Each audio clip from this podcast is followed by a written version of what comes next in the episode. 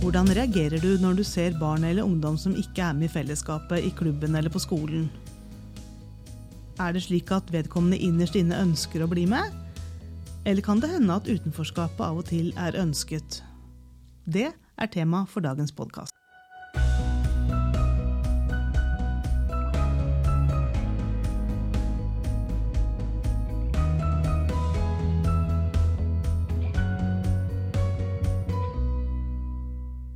Hei, du lytter nå til Lærlingbua, som er en podkast for deg som er lærling i barne- og ungdomsarbeiderfaget. Jeg som snakker nå, heter Hanne Enger Jensen, og som vanlig har jeg med meg en kollega, og i dag er det Gro Blomdal som sitter sammen med meg. Vi jobber på Opplæringskontoret for helse- og oppvekstfag, og vi lager denne podkasten for deg som er lærling i Oslo. I dag har vi fått et spørsmål som berører et ganske interessant tema, nemlig det som ofte kalles for utenforskap. Og Gro, du sitter med en mail fra en av våre lærlinger, og hva er det vedkommende skriver?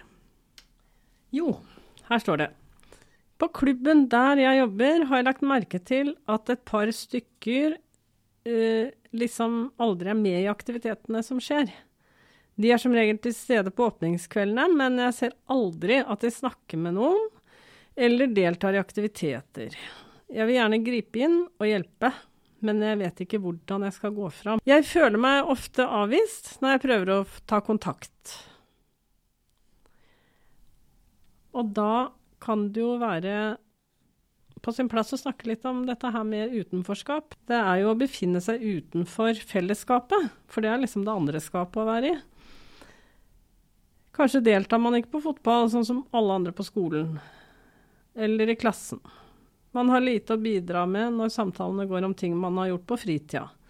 Fordi man ikke har disse felles erfaringene som skaper uh, tilhørighet og skaper samhold, og som er litt sånn limet i uh, et sosialt fellesskap.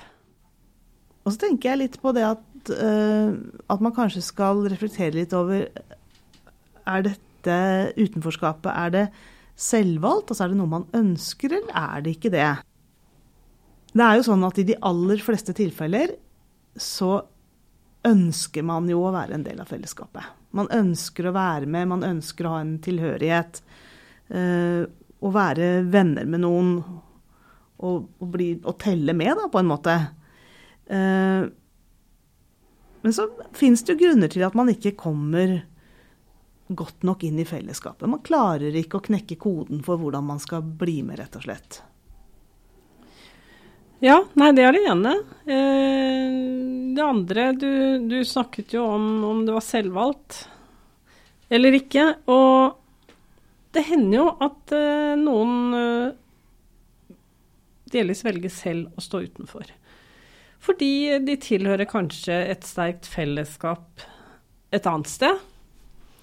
De har eh, andre venner, de har andre grupper de identifiserer seg veldig sterkt med. Det kan jo være et religiøst samfunn, f.eks., for, eksempel, for å ta noe veldig sånn lett å, å bruke som et, eksempel. Der har man tilhørighet, der har man venner, der har man eh, andre typer måter å være sammen med på som eh, man kjenner seg igjen i.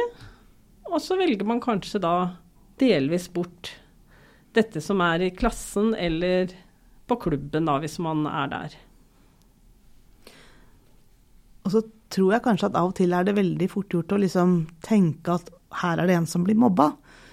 Her er det en som, eh, som eh, er holdt utenfor, eh, som har det vondt. Og at man liksom fort trekker en konklusjon og da tenker jeg at det er lurt å observere litt på forhånd. Altså hva er det som skjer? Uh, Fins det noe samspill der? Det kan jo hende at, uh, at, vedkommende har et visst samspill, selv om man ikke deltar aktivt inn i aktivitetene. Uh, jeg vil jo også tenke at hvis dette er en ungdom eller en elev som, som kommer på juniorklubben, eller som kommer på klubben om og om og om igjen, så kan det være god grunn til å anta at vedkommende ikke blir mobba, at det ikke dreier seg om det men at det er andre ting. Ja, men da tenker jeg også det er en eh, god grunn til å tenke at eh, vedkommende gjerne vil føle seg som en del av det som er der. Så, så det er jo noe å nøste litt i, tenker jeg. Men uh, man skal kanskje ikke gå rett til vedkommende og spørre rett ut. Føler du deg ensom, eller føler du deg utafor? Det er jo noe med å trå litt varsomt. Observere. Snakke med andre som også jobber der, kanskje. Og, og prøve å, å lande dette litt. Mm. Og en måte å lande på er vel kanskje å involvere den som er utenfor, litt i aktiviteter som foregår. Kom og bli med og spill bordtennis, eller bli med her, så prøver vi ut det nye dataspillet. Altså sånn trekke vedkommende med i aktiviteter som foregår. Og det gjelder egentlig både på klubb og i AKS, at man kan dra eh, barnet eller ungdommen med i en aktivitet. Sette seg ned, delta. Det er eh, ganske god effekt i å begynne med en aktivitet med et barn eller med en ungdom. Da vil flere komme til, flere vil ønske å delta. Og så kan du kanskje som voksen trekke deg ut etter hvert når du har fått aktiviteten i gang. Men å ha en sånn bevisst plan på det å trekke inn de man gjerne vil involvere i en aktivitet, det tror jeg er veldig viktig. At man liksom ikke bare blir med fordi det er gøy å, å delta, men at man som barne- og ungdomsarbeider er litt bevisst de aktivitetene man deltar i, og hvordan man deltar. Veldig. Jeg tenker også man kan eh, prøve å observere litt hva er det denne, dette barnet eller denne ungdommen liker og trives, eh, trives, med å gjøre, sånn at kan, eh, det kan være aktiviteter som man setter i gang nettopp for dette barnet, og på den måten gjør det attraktivt å få trukket inn flere. Og da tenker jeg at det som er veldig viktig i den tida man er lærling, er jo å rett og slett øve seg på å lage ulike typer aktiviteter, hvor man tenker igjennom dette med hvordan man setter dem i gang, hvordan man motiverer, og hvem man har med inn i aktiviteten. Vi har i dag snakket om ufrivillig og selvvalgt utenforskap. Husk at du finner støttemateriell til denne podkastepisoden i OLK. Vi tar gjerne imot innspill og spørsmål til podden, og de kan du rette til oss enten på Facebook, Instagram eller til e-posten vår, som du også finner i OLK.